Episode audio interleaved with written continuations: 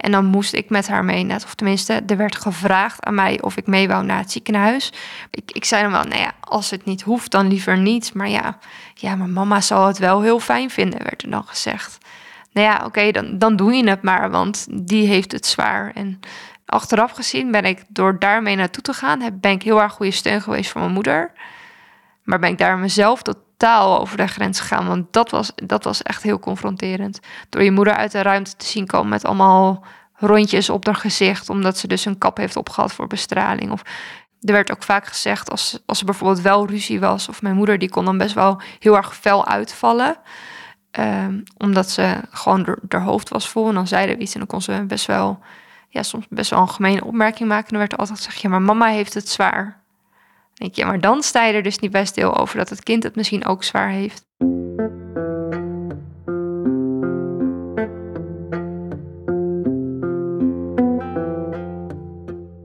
Ongeveer de helft van de Nederlanders heeft een chronische ziekte of aandoening.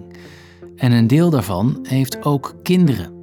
Hoe is het om op te groeien met een chronisch zieke vader of moeder?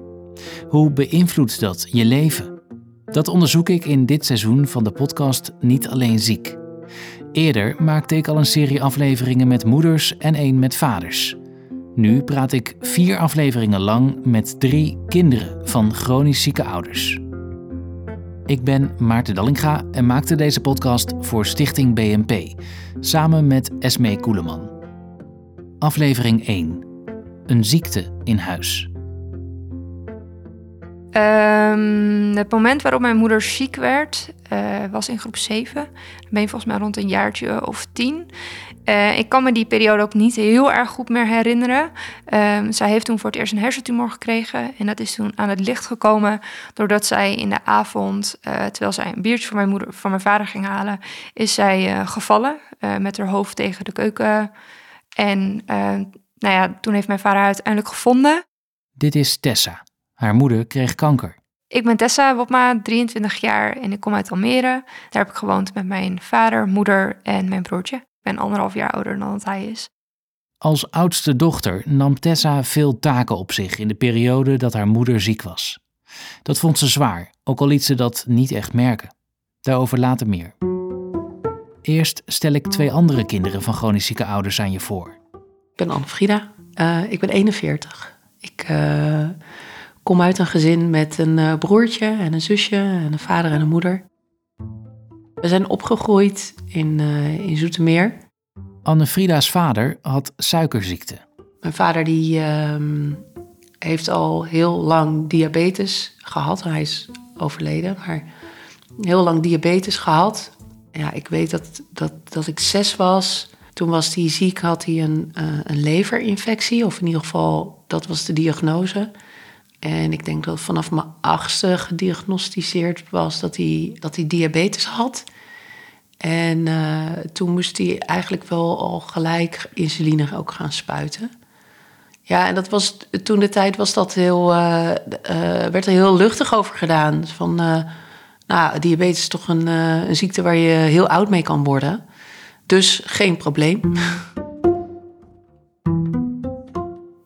wat voor ouders ik heb. Uh, ik heb hele leuke ouders in principe. Dat is wel het uitgangspunt. Uh... En dit is Martijn. Zijn vader was al ziek voor Martijns geboorte. Ik uh, ben Martijn Terlien, ik ben 28 jaar. Ik kom uit eh, Amsterdam-Noord en woon nu in Purmerend. Samen met mijn hond. Mijn ouders zijn bij elkaar. mijn vader en moeder hebben mij in principe vrij laat gekregen. Maar hebben daarvoor nog een... Ik heb een halfzus van mijn moeders kant en een halfbroer van mijn vaders kant. En Martijns vader heeft een longziekte. Kijk, mijn vader is 73 jaar oud nu. En mijn vader dus heeft COPD. Komt er eigenlijk op neer dat mijn vader heel snel kortademig is, hoest. Je hoort het in zijn stem, dus als hij ademt hoor je dat altijd een klein beetje meespelen. Uh, zit aan een zuurstoftank. Daar zit hij altijd aan? Ja, chronisch aan de zuurstof inderdaad. Anders red je het gewoon niet, zeg maar. Je moet, er moet zuurstof in je komen natuurlijk. Uh, en op zichzelf uh, kan dat vrijwel niet.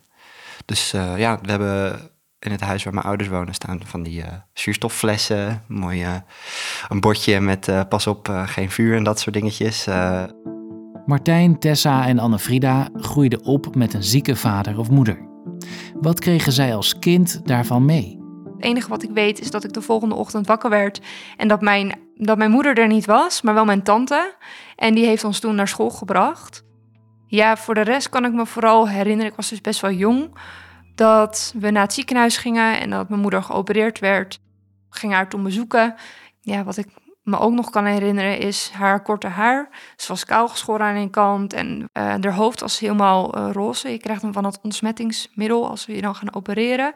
En dat ik naar binnen liep en dat je eigenlijk direct tegen haar uh, ja, kaalschoren plek aankeek. En meteen het litteken en de nietjes. En dat ik daar instant heel erg misselijk van werd. En dat ik toen er tijd ook naar buiten ben gerend, omdat ik dat niet aan kon zien. Want het kwam plotseling. Het is niet alsof ze naar de dokter ging, daaruit bleek dat ze ziek was en vervolgens weet je dat ze geopereerd was. Nee, het was allemaal in zo'n korte tijd en dan word je er ineens heel erg mee geconfronteerd. Ja.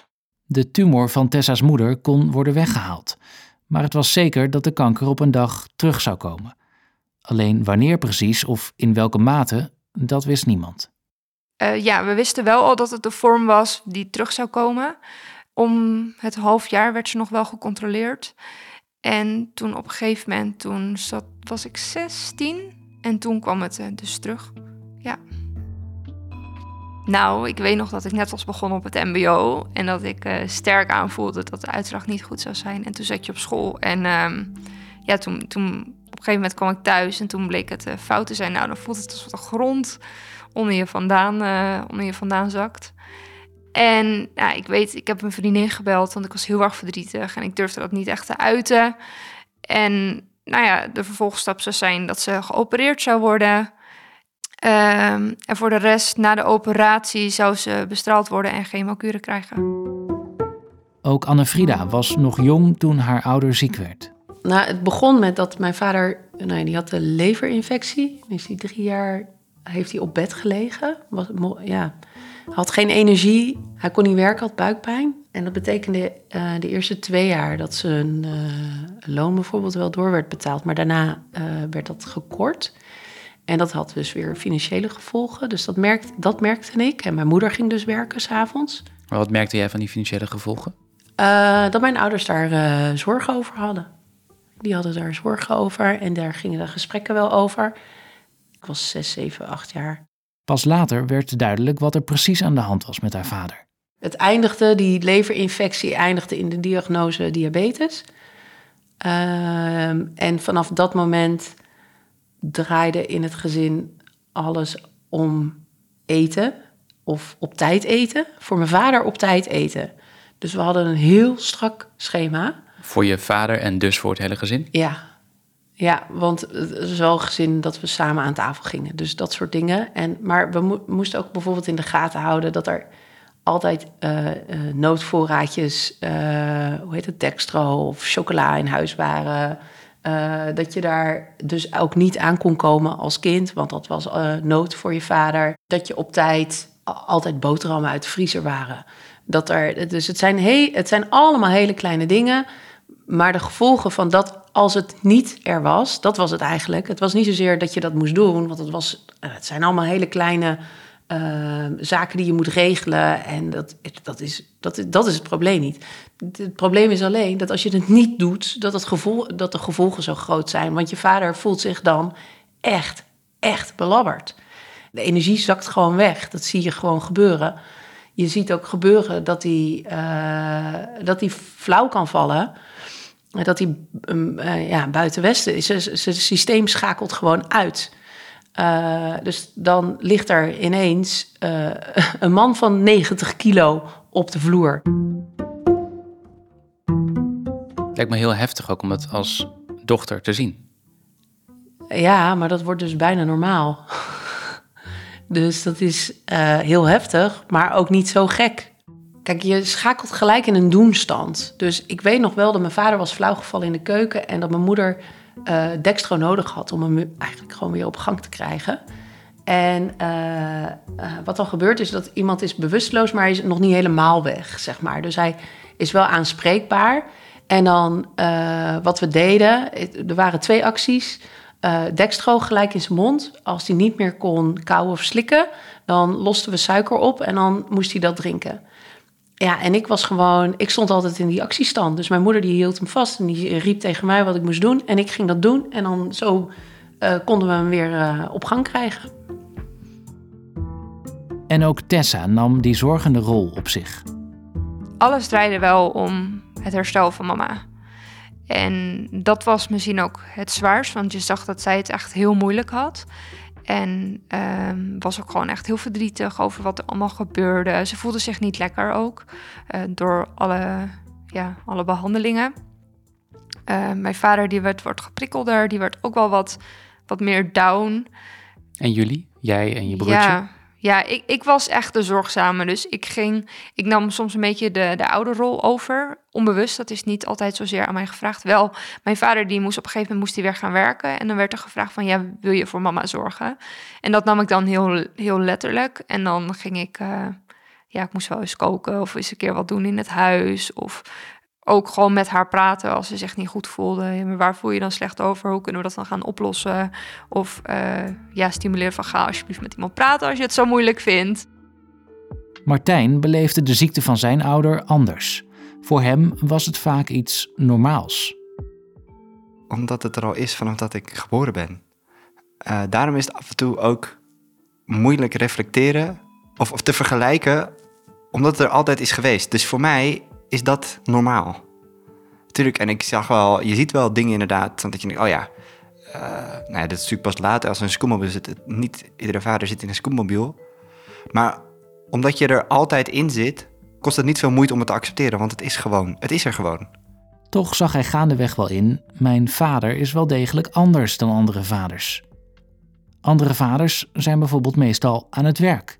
Mijn vader was wel altijd thuis als ik van school kwam. Dus mijn vader eigenlijk was hij al 100% afgekeurd op het moment dat ik ook geboren werd.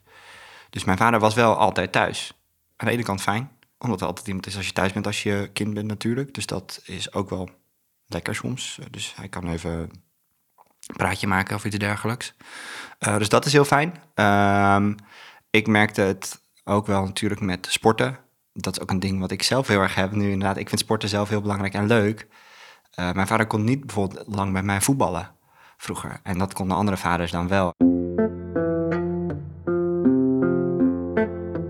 Dit was de eerste aflevering van het derde seizoen van Niet Alleen Ziek.